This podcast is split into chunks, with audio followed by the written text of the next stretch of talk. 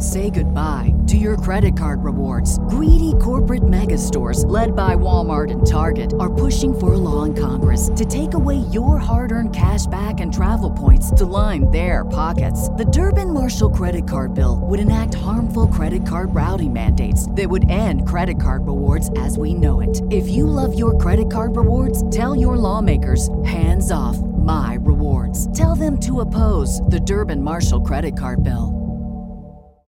As humans, we're naturally driven by the search for better. But when it comes to hiring, the best way to search for a candidate isn't to search at all. Don't search, match with Indeed. When I was looking to hire someone, it was so slow and overwhelming. I wish I had used Indeed. If you need to hire, you need Indeed. Indeed is your matching and hiring platform with over 350 million global monthly visitors, according to Indeed data, and a matching engine that helps you find quality candidates fast. Ditch the busy work. Use Indeed for scheduling, screening, and messaging so you can connect with candidates faster. And Indeed doesn't just help you hire faster. 93% of employers agree Indeed delivers the highest quality matches compared to other job sites, according to a recent Indeed survey. And listeners of this show will get a $75 sponsored job credit to get your jobs more visibility at Indeed.com slash podcast. That's Indeed.com slash podcast. Terms and conditions apply.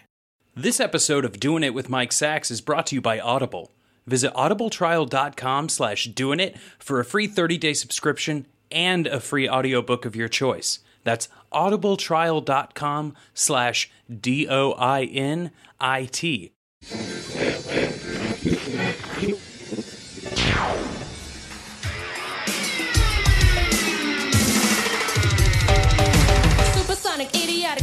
Disconnected, not respected. Who would ever really wanna go and top that? Such a waste, a pretty face, but hanging in your nose space. I wish that you would take a look and really stop that. Top that. Well, stop that. I don't really give a about trying to top that. Top that. Stop that. I wish you finally take a real look and really stop that.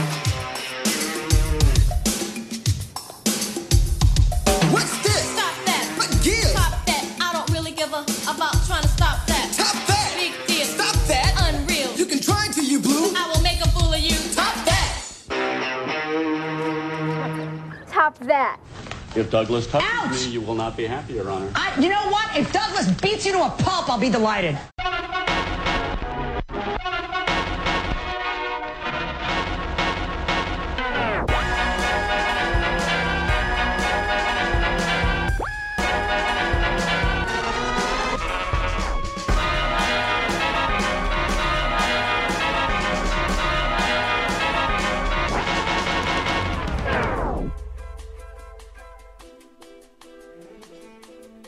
My god, what a fantastic day. What's up, everyone? It's, of course, me, Rob Schulte, producer of Doing It with Mike Sacks. Mike's got a great interview for you this week, but we'll get to that later. How are you doing? Me? I'm having a terrific year. Now, I'm going to say right here at the top that you should stick around to the end of the episode to hear an important announcement. From me. Anyway, in this episode, Mike talks to David DuBos, who's directing the movie based on the book Butterfly in the Typewriter by John Kennedy Toole. I also wanted to ask that if you're a fan, to visit our Patreon page and check out our rewards. We have some great stuff, and for as little as a buck, you can get something too. Before we get to today's interview, I thought it would be fun to tell you a little something about myself. Let's make this podcast connection real. We're all friends. I guess my go to introduction for people that don't really know me is letting people know that I'm the only survivor of an early 90s suicide cult. I know it's not like the best icebreaker in the world, but it gets conversation flowing. Now, see, the leader of this far off and like wacky religion had some issues with paranoia. I mean, don't we all? But his were pretty serious, and he put hidden microphones all around our Shady Pines industrial complex for mass living. And since I was the only surviving member, the FBI gave me copies of the recordings. I figured I could share one that I'm highlighted in with you all. Check it out.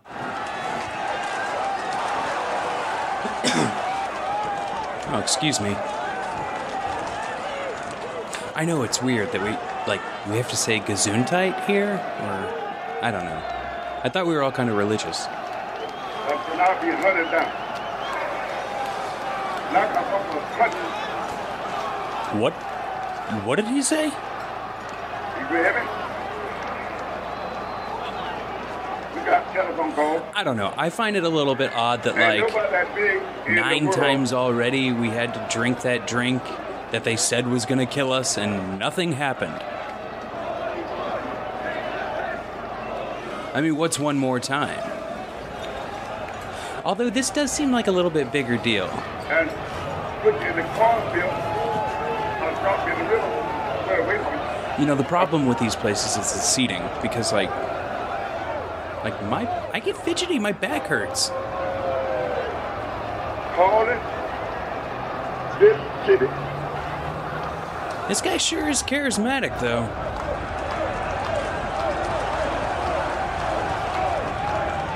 I don't know. I'll probably just end up skipping the juice this time, be- only because, like, I just had two bowls of low protein gruel, and although we only get about three different options, I decided to go with some water.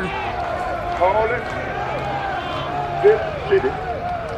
Do you think that maybe? And in the car, I mean, there's there's a lot of you I can Well, wait a minute. get away with, you know, just kind of sneaking out the back. Well, you're not very talkative today. And put in the. I'll drop you in the river. Well, wait a minute. I'll cut your tongue out and leave it to you. Although, you know, I do kind of like the passion that's going on in this room. I'm just not the one to really stand in front of a wrong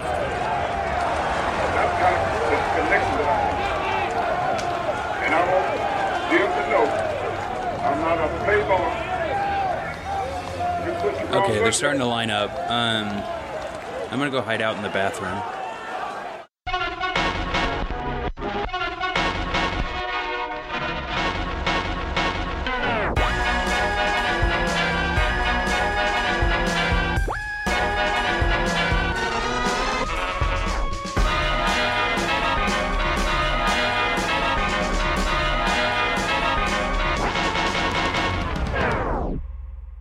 So today you're going to hear Mike talk to David DuBos, the director of the upcoming film about the 1980 novel A Confederacy of Dunces by John Kennedy Toole. This movie, which begins shooting this summer in New Orleans, is not a fictionalized version of Dunces, but rather nonfiction. It'll be based on the 2012 memoir of John Kennedy Toole. It's called Butterfly in the Typewriter. Now, real quick, a few explanatory notes. David mentions the name Ken. In those instances, he's referring to John Kennedy Toole, the name Toole's friends called him. Also, this interview was conducted shortly before the untimely passing of the actor Bill Paxton, which is why he's mentioned without any reference to his death. David also mentions Dean Cundey, without any attribution. Dean is the director of photography for the upcoming film. Mike and David talked by phone. You're from New Orleans? Yeah, born and raised here, went to Catholic school, private school here, Holy Cross. Um, then got a scholarship, went to Loyola. Um, I was always into movies from a young age. Um, I, I guess uh, one of the first films that had a real profound effect on me. Two of them actually. One was Psycho. One was Jaws. Um, I saw Psycho on TV and scared the crap out of me, and then I saw Jaws, and that really scared the crap out of me. But I was fascinated by the technique in which how that was accomplished, and so I started watching a lot of movies. We have a PBS affiliate here that ran like a classic movie every eight, eight o'clock at night, Monday through Friday. So I was always glued to the TV and just became just became a film buff at a really young age. I did a short film, I wrote a short film uh, called The Roommate with Bill Paxton. He ended up starring in it. It went to Sundance. So that was my Jaws moment. But what have you been doing? I mean, you haven't been doing nothing. You you've been working in the industry this whole time. Oh yeah, yeah. I mean, I, I started out as a. I, I thought, you know, when you, when you get out to Los Angeles, you get that shock wave that just rolls over you when you realize, geez, I'm not the only one out here thinking that you know I, I can be a, a young successful filmmaker, and I had the doors slammed in my face more times than I could, you know, have fingers and toes. And the one person who did help me was a uh, brother of a friend of mine I went to college with. Uh, she gave me his name, and I didn't know him from Adam, but his name was Danny Retz, and he was a film editor. And I called him, and he said, Danny, Danny's got this like very sort of John Huston kind of you know rough voice. You know, he's like, "Well, what are you doing now?" You know, I'm like, "Well, nothing." He goes, "Well, come on, I'll talk to you. I'll do an interview." And so I went and see him, and he watched like two minutes of my 20 minute epic short film that I did in college, which is was horrific. "Well, it's not very good, but it's well edited. So you want a job? Oh, you know, you can be my assistant." So I thought, great. And he was working at Cannon Films at the time. So I said, well, that's it then. I'll just be a film editor. And then uh, I went to work with Danny at Cannon Films. And uh, I remember they had an office on Sunset, and I went to work with him first day, and they stuck me in this tiny four by eight room with a, a, a light table and some rewinds and you know 35 millimeter uh, film cans to sync up uh, the magnetic track to the picture, and the place just reeked of like I don't know what it was, you know, moldy carpet, cat urine. I mean, it was it was disgusting, and I was stuck in there eight hours a day syncing dailies to, to really shitty movies, and uh, and I was like, this is not really what I had in mind. the showbiz aspect of it. Yeah, and, and he's like, "Welcome to Hollywood," you know, and and, and then compounding that is about two weeks into my new gig. You know, I got my first paycheck. I was so proud of myself. It was like for some measly amount, but I was like, "Hey, I'm in Hollywood. I'm a film editor. I'm working." You know, and uh, Danny came in with another check for me, and I'm thinking, "Oh wow, bonus." and he goes, "Good news and bad news. The good news is I have your check, including your uh, day today. You don't have to work the rest of the day. Take it off. Go to a movie or something. I said, okay, what's the bad news? He goes, you're fired. I go, for what? He goes, nothing. You didn't do anything wrong. I'm the one that got fired, and since you're with me as my assistant, they fired you. Wow. And I'm like, well, what did you do to get fired? He said, well, you know, the director's an idiot. And I went into his office and told him, you know, you should learn how to shoot coverage better. and he fired me. Shock. Yeah, yeah. And this is a guy who's been in it for a long time, right? This was a veteran. Oh yeah, and and he's you know he and he ended up years later working with Paul Verhoeven on a lot of his movies. The American films, RoboCop, Total Recall, uh, and uh, Basic Instinct, etc. He worked with Frank Urioste, who's a legend. Anyway, Danny, you know, when when I realized, I thought, I mean, you can actually be do do a good job and still get fired. Mm-hmm. And I thought that this this is not something for me. So I started writing. I'd always had a, a knack for it. So I started writing screenplays, and eventually I made my way into writing short films and got the roommate produced because the, the director was actually one of the producers on Butterfly, Bolie Fessone. He was doing music videos. He came into that wave at propaganda films with Fincher and Spike Jonze and people like that. And uh, he was working in a editing one of his music videos, and in the editing suite next door was Bill Paxton, who at the time I think had he had this little side project called Martini Ranch, which was a band. Oh yes, I remember that. And James Cameron directed his music yes, video. one of the worst videos and the longest videos in history. Have you ever? seen Yeah. Oh, it's a Yeah, it's like a ton of cameos by the cast of Alien. Oh, it's uh, terrible. Kathryn Bigelow's even in it. Yeah. So Paxton uh, saw my script for the roommate and picked it up casually. Just you know, came over. He's a friendly guy. And he came over and he introduced himself to Ole and he said, "Oh, what's that? Oh, it's a script I'm doing. A friend of mine wrote. Blah blah blah." He picks it up, starts reading it. He goes, "Hey, can I be in this?" this was at the height of Aliens, and I think he had just done Near Dark, and was getting ready to do one false move, and uh, and always like, "Sure." It was a dark comedy, and and they sh- shot it in 35 millimeter, you know, really nice production value. And I went to Sundance, and it got me my first agent. So that that was kind of the, the catalyst to my uh, That's early such a, career. such a lesson, though. It's just accessibility. I mean, that movie probably would not have been made if you weren't next to Bill Paxton, if he hadn't asked to see it. Exactly.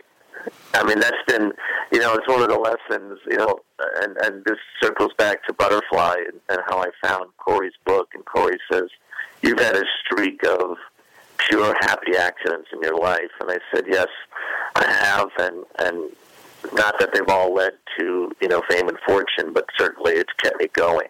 Talent, you know, is great and certainly helps you when you get your opportunity, but luck and timing play a huge part in, in your career.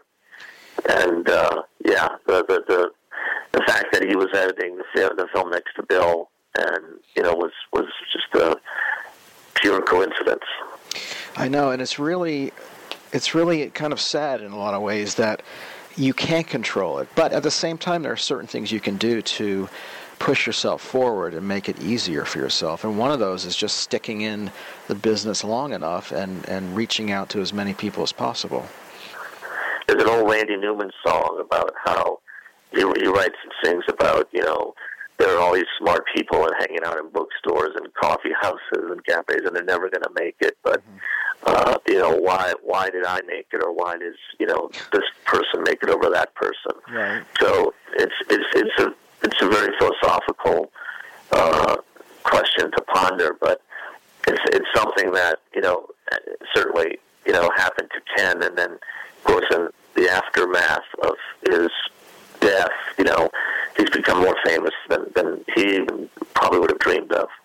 Well, I think the point of the Randy Newman song was that the reason they're not famous is Randy Newman wrote a song about those guys, and those guys are in a coffee shop dreaming about writing a song. Yeah, well, he was saying that it's it was of course bitterly sardonic, given and I'm a huge Randy Newman fan, but you know I, I but that's if I remember the name of it, I think it's it, it, I don't know if it's called uh, it's Money That Matters. Oh, I, I love that song. song. Sure, yeah, yeah. And he talks about the the, the, the great irony of you know the, yeah the slacker who's narrating the song, you know who's mm-hmm. you know washing the car of the fat guy with the, the lusty blonde.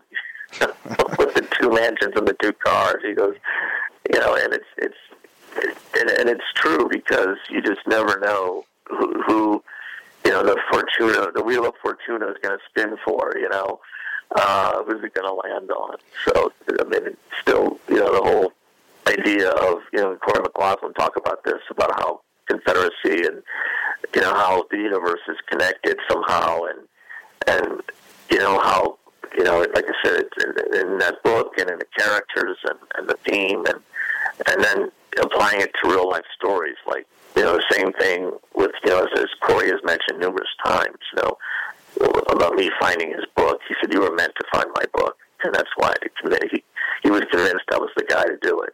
Uh, well, let's talk about that. I mean, New Orleans is a is one of the greatest cities in my mind in the world. It's very hard to write about. It's very hard to make a movie about. Did you grow up wanting books that would accurately portray or movies that would accurately portray New Orleans? And did you ever feel that if you ever made a movie, you would try to capture what you experienced? That's a great question. I I love my city and uh, warts and all, and there's plenty of warts. but I love it, and there's no city like it. And I've been around the country, and and it's just it's so unique. It's the most European city in America. Without a doubt. Uh, just in terms of its uh, attitude and and then um, various things about it. You know, the architecture, the music, the food, the ambiance, the laissez-faire. Uh, of the of the populace. It's it's uh, it's just unique. And so when I see these movies, like uh, an infamous one for us down here from natives is The Big Easy. I saw it down which, in New Orleans. It got booed. Yeah, it was it was. You sit there watching it, going, "What were they thinking?" Mm-hmm. You know, and even you see some of these TV shows, like even today, NCIS New Orleans. God bless them for being here and employing all these people, but you listen to the accents on that show and you just go, what are you people thinking? You know, once in a while they'll they'll, they'll say they're authentic because they drop in a Neville Brothers song or a a reference to Tipitina's or let's go to Galatoire's for us. I mean, it's so self conscious. Nobody here says that. Right. Right. You know. Uh, or let's listen but, to the Radiators. hey, put on WWOZ, you know. right. Um, I, but I'll tell you, the one everybody asks me this too. They always say, "What's your favorite New Orleans movie?" I say, "It's not one you normally think of, but my absolute favorite film ever shot here and set here was Panic in the Streets." Hmm. Wow. It's a Van film. Yeah. And he had made that before Streetcar, and it's it's fascinating to me because it doesn't try to be a New Orleans movie. It's just a movie that happens to take place in New Orleans. But Kazan used a lot of actual street people as actors in the film and, and background people. I mean, he didn't give them huge parts, but and it's fascinating to watch that movie. It's a time capsule of New Orleans. I mean, pre pre Katrina, of course, but it's fascinating to see that the city really hadn't changed all which isn't something that we really love about our city is that you're not going to see skyscrapers in the French Quarter. No. You know, and uh, you know, and thank God for the various commissions and and uh, uh, the, these regulation boards that that govern those kinds of decisions. And I was just. Uh, I, I just thought Panic in the Streets was just a, a terrific movie, first of all, and then the fact that it showcased New Orleans in such a different way and not a cliche way that you saw so often. I mean, how many how many times do you see either a TV show or a movie set in New Orleans and there's a fucking parade in the French Quarter? well, that never happens. What did John Kennedy Toole's writing mean to you growing up? Did you look at it as being an accurate portrayal of your city? Oh my God, yeah. Uh, that book came out when I was in uh, college at Loyola, so of course it was like big news to us because the New Orleans Review was like literally right down the uh, when it was first published in the New Orleans Review, the first like two chapters of it. That off, I used to pass that office every day uh, going to uh, English class. Uh, certainly, we were all very familiar with that story in Maple Street Bookstore, where Walker used to go and uh, do book signings uh, all the time there. Rhoda Faust, who owned uh, that bookstore, also was the owner of, and I think had to sue Thelma afterwards to get the rights to Neon Bible because she promised them to her. Uh, yeah, I mean, I, I remember picking up that book and reading it, and they were selling it like crazy in that Loyola bookstore. And I remember reading it and going, "Oh my God, this guy totally gets it." Uh, and and he, I mean, just the way he described the city, the characters, the naming the streets, and the it, the, the vernacular. I mean, it was just it was spot on, and it was like I don't, you know, it's funny. I, I even have a, a line in the screenplay where Walker, you know, when he first reads the book, he loves it, but he's got, and it's true, he had doubts about its commercial viability. And he tells Stanley Kaufman, you know, Stanley Kaufman tells him, you don't think they're going to get it above the Mason Dixon line. He said that's being. He said Walker says in response, "That's optimistic, Stanley. They may not get it above the parish line." Yeah, right. Right. Well, for Yeah, those who don't, so- know, the par- there are parishes in Louisiana instead of counties. right. Yes. And uh, you know, so there's it, it was. I thought is it just is it too regional? But then you know the book started getting to caught on like wildfire, and and to this day, I I one of the great things about uh, the movie of Cory's book and the reason why I think we've had very we've been very lucky with it is because Roger Bart, who's an actor, he's a friend of mine. Uh, he's on Broadway. He's done a lot of TV and movies, and he was here doing Trumbo with Cranston a couple of years ago. And he, I gave him an early copy of the script, an early draft, and he read it. And he called me, so let's go have coffee. And so sitting down for coffee, he said, "You know what you've done?" And I said, "No, what?" And he said, you have done something that everyone's been trying to do with Confederacy, but you've done with this project. He said, every actor has read Confederacy, trust me, and they all love it. And this will be the closest they'll get to making a film version of Confederacy is this movie. And you're going to have a, I wouldn't say an easy time, but you're going to have, you're going to be surprised at how welcoming actors are going to want to be to join this project. And he was absolutely prophetic. John Belushi, uh, he was talking about making this film, and then upwards through the years, why was a movie never made? Not a, not about the book about um, Confederacy, but why was Confederacy never produced? Well, we're a superstitious lot down here, as you probably are aware. They always say New Orleans is the most haunted city in America. And I like to think it's the spirit of Thelma looming over the book. Thelma being John's mother. Yeah, John Kennedy Toole's mother. Uh, she was always a stickler for, you know, the way the book was to be presented to the world, and um, she. I mean, I, I just think it's just been again bad. You know, Soderbergh thinks it's bad karma uh, that's hanging over the book. That you know all the potential Ignatiuses have passed away uh, from Belushi and Chris Farley and John Candy, Philip Seymour Hoffman. The last person associated with it. Well, one of the last people was Will Ferrell, who was going to do it with David Gordon Green, and then Zach Galifianakis was talked about. But I just, you know, there's there's a part of me that doesn't ever want to see this book made into a movie. Uh, especially not because I, I don't think it should be. I just think it's that's not the right uh, time frame in terms of, or I should say, running time for it. A two-hour movie cannot do justice to Confederacy. But if they did it as an HBO miniseries like The Night of, or one of those, you know, eight-part, six-part series, limited series, that might be better. But it still would be a hell of a challenge for anyone to tackle that, as it, as it would for the moviegoer. Why do you think it would be so hard to bring to the screen? I mean, even beyond the time frame, like you say, you could do an HBO. Well, the, the episodic nature of the book, and it, that's hard to pull off in a movie. And I mean, in the book, it's like it's these great, you know, little journeys that Ignatius goes on, and but and, and I think sometimes the humor is so difficult to translate. Well, I think too. Uh, I don't know if it could be made just PC wise. I mean, you have some characters talking. You have a black character who who's talking in a certain way that he, uh, John Kennedy Toole captured very accurately, but it's not necessarily a PC type of uh, yeah that patois. that patois that patois that he has uh, Burma uh, you know it's yeah you're right and and well of course it's it's a book if people give context to it. He wrote it in the early 60s and obviously you know there are still probably people who are exactly like they are in the book today. But uh, some of them you're right it stretches very thin that the that's the what you would people would say, you know, the the PC or they, they just might call it offensive or racist. You know, people think Huckleberry Finn is racist. You know, even though again, given the time context, you know, it's probably at the time accurate.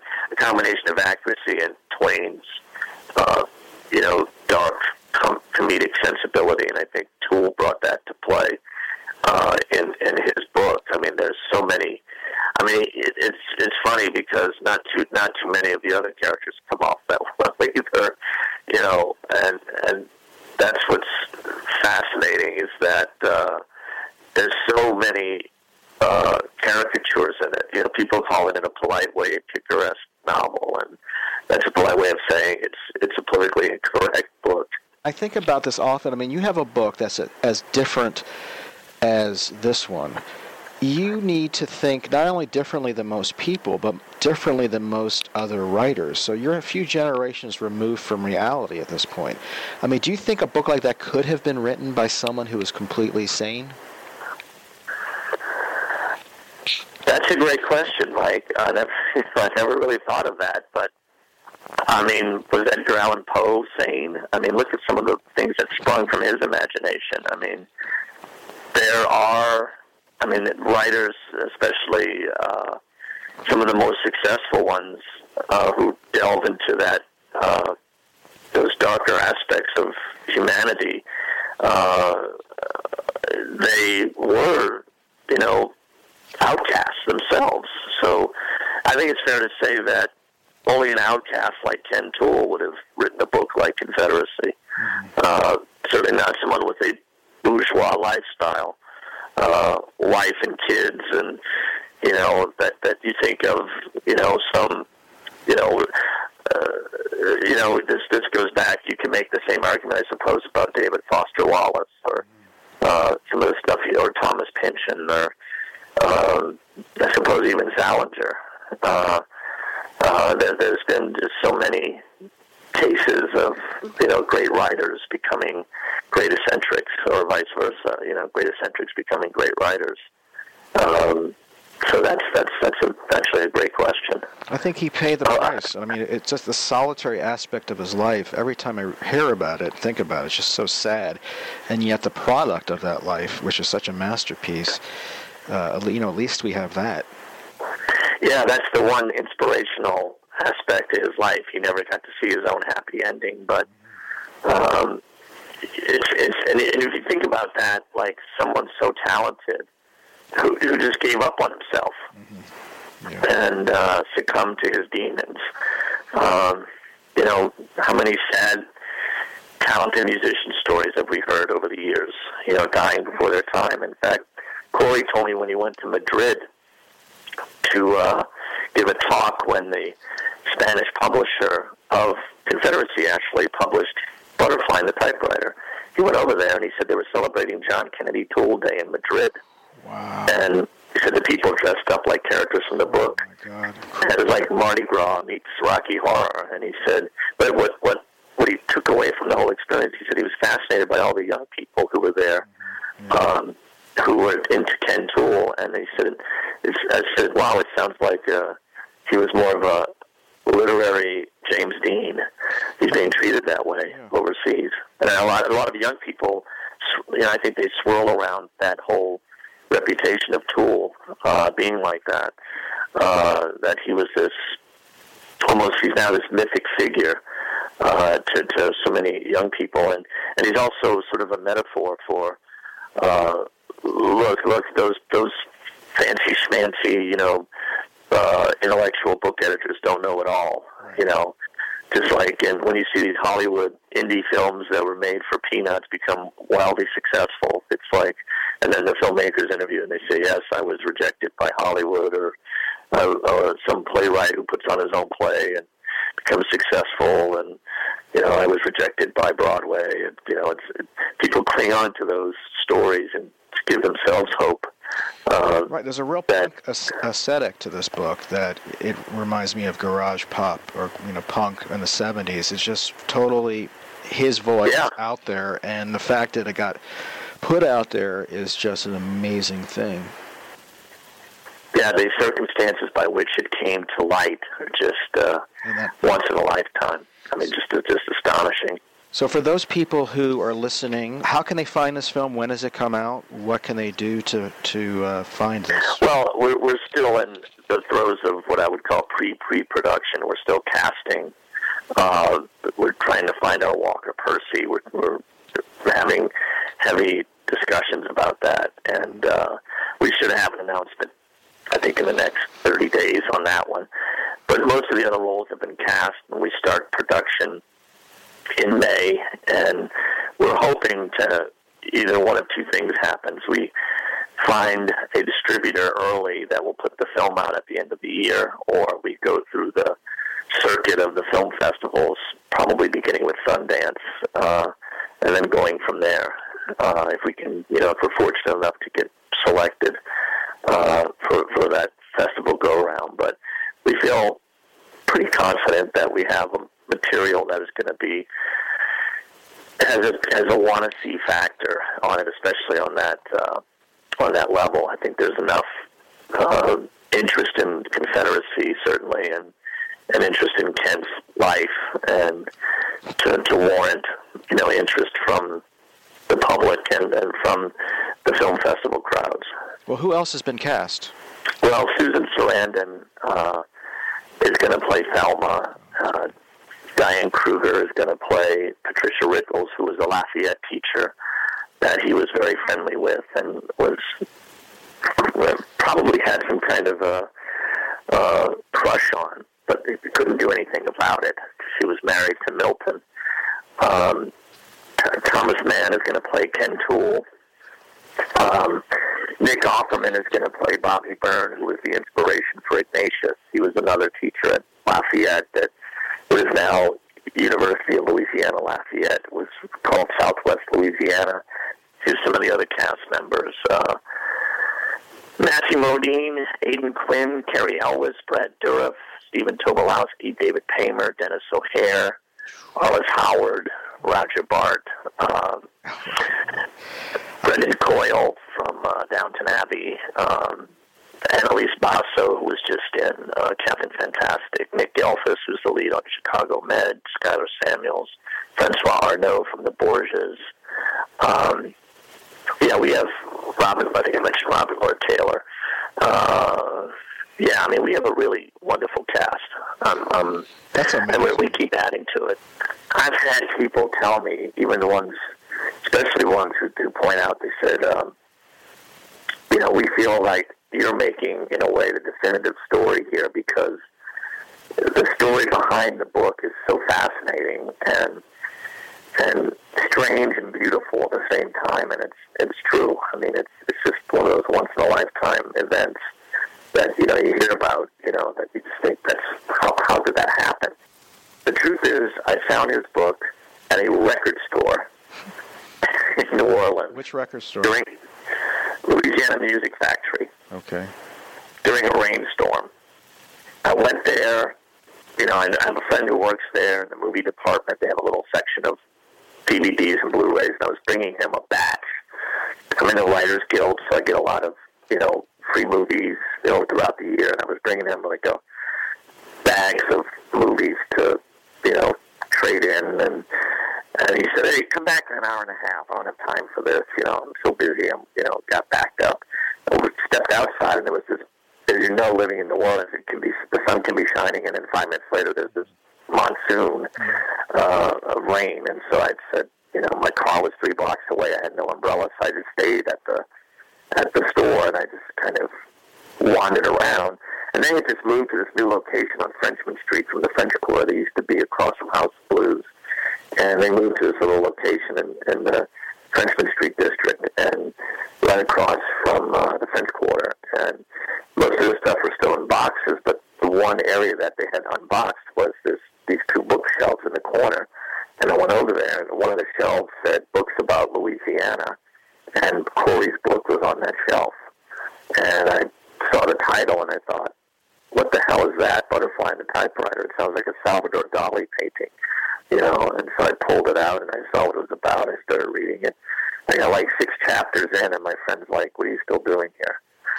His voice, and he goes, "You know." I said, "Hey, I'm taking this book home." And I took it home that night. I read it.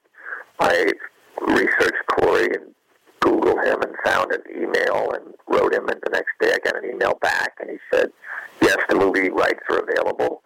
And it took about three months to convince him and his agent in New York to let me, you know, write, you know, write this movie. And I, it, you know, I managed to scrape together some funds to option it, and, and wrote script on spec. And two and a half years later, here we are, about to go into pre-production. So you had never heard of it before seeing it in this bookstore used? I'd never heard of it. Wow. I just saw it on the shelf, and it, the title caught my eye. And and he, I have to say, I mean, you read the book. I mean, it's extremely well written, and it hooks you from the get go. And there, I mean, I knew the basic parameters of the story, having read the foreword to Confederacy that Walker has written. But when I started reading about Ken's life, I thought, my God, what a what a sad and tragic man he was, and you feel such empathy for him right away. And I thought, and then you meet Thelma, and you, and you see his journey, and you think, this is a movie. Well, And will the movie have the same title? yes, Was Cory involved with the screenwriting? No, but I did.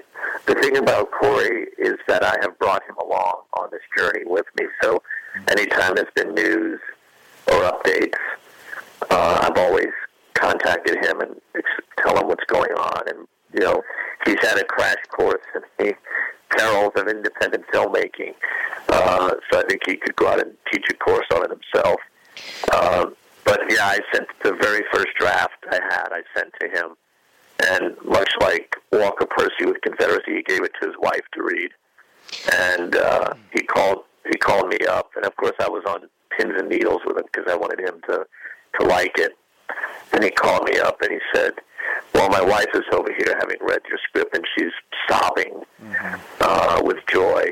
So you must have done a good job." it's this strange connection that the book has with people, and what this story has had to so many others, and not only artists and writers, but just the public at large. And I think the, the great thing about, you know, just to give a, a recent analogy, a movie like Hidden Figures mm-hmm. is very successful, and people like, you know, try to point out and say and try to analyze its success. And I just think it boils down to it's a great story that hasn't been overtold. Whereas something like a Steve Jobs, which, however brilliant that script was, and it was brilliant, uh, and the great actors associated with it, the great director Danny Boyle, it was a it didn't hit with the public. And you know, as a friend of mine has stated, well, that guy has had more films made about him than Dracula. Well, David, this is fantastic. Boy, this was, um, I mean, this was like a dream come true. And what you're doing is a great thing. I have no doubt it's going to turn into a great product. It's been an amazing journey so far, uh, and I'm, I'm looking forward to, you know, being on set and working with these this great cast and these great uh, department heads, you know, and, and, and Dean Cundey, you know, who's brilliant, and I just think it's going to be really. Uh, I mean, I, I never want to. I've been in this business too long, Mike, that I'm never going to get ahead of myself. But mm-hmm. I just have a really good feeling about yeah, this film. I do too.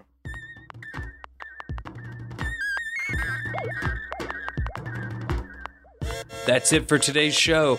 I want to say thanks to David DuBos for talking with Mike. That's going to be an incredible film. I want to thank Mike for conducting these awesome conversations. I also want to thank Sam Peach for his incredible artistic skills. You can visit his stuff at O Death Creative on Tumblr, Instagram, anything. Just letter O, Death Creative. I also want to thank Ian Goldstein, who's a big help to the show as well. I'm Rob Schulte, and you can find me at robkschulte.com or at robkschulte on Twitter and Instagram. That's R O B, the letter K, S C H U L T E. Okay, so that important announcement I was going to make. It's not as much an announcement as it is a question. What do you want from doing it with Mike Sacks? We want to make this show exactly for you, the listener who pays attention all the way to the end credits. This is like the professor in an online class that sneaks in at the end of his video that you get attendance by watching his videos. Do you want us to have more bits? Do you want longer interviews? Do you want shorter interviews? Let's make this relationship perfect. So please email us at doingitwithmikesacks at gmail.com or follow us on Twitter at doingitpod. Once again, please look at audibletrial.com slash doingit. You can get that free subscription and free audiobook. And check out our Patreon page, patreon.com slash doingitwithmikesacks. If you can't do either of those, a rating and review on iTunes goes a long way. We'll see you next time.